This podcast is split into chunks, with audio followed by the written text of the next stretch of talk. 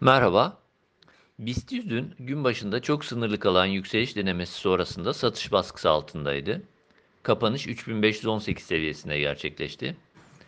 Yükseliş denemelerinin 3600 bölgesiyle sınırlı kalması sonrasında endekste satış baskısı yaşanıyor. Bununla birlikte aşağı eğilim şu an için çok kuvvetli değil.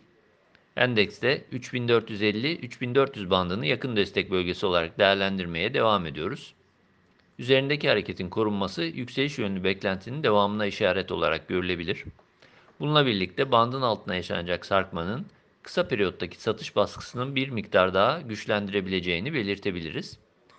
Bu aşamada destek bölgesi üzerindeki harekete de bağlı olarak 3650-3715 bandının gündemde olduğunu düşünmeye devam ediyoruz.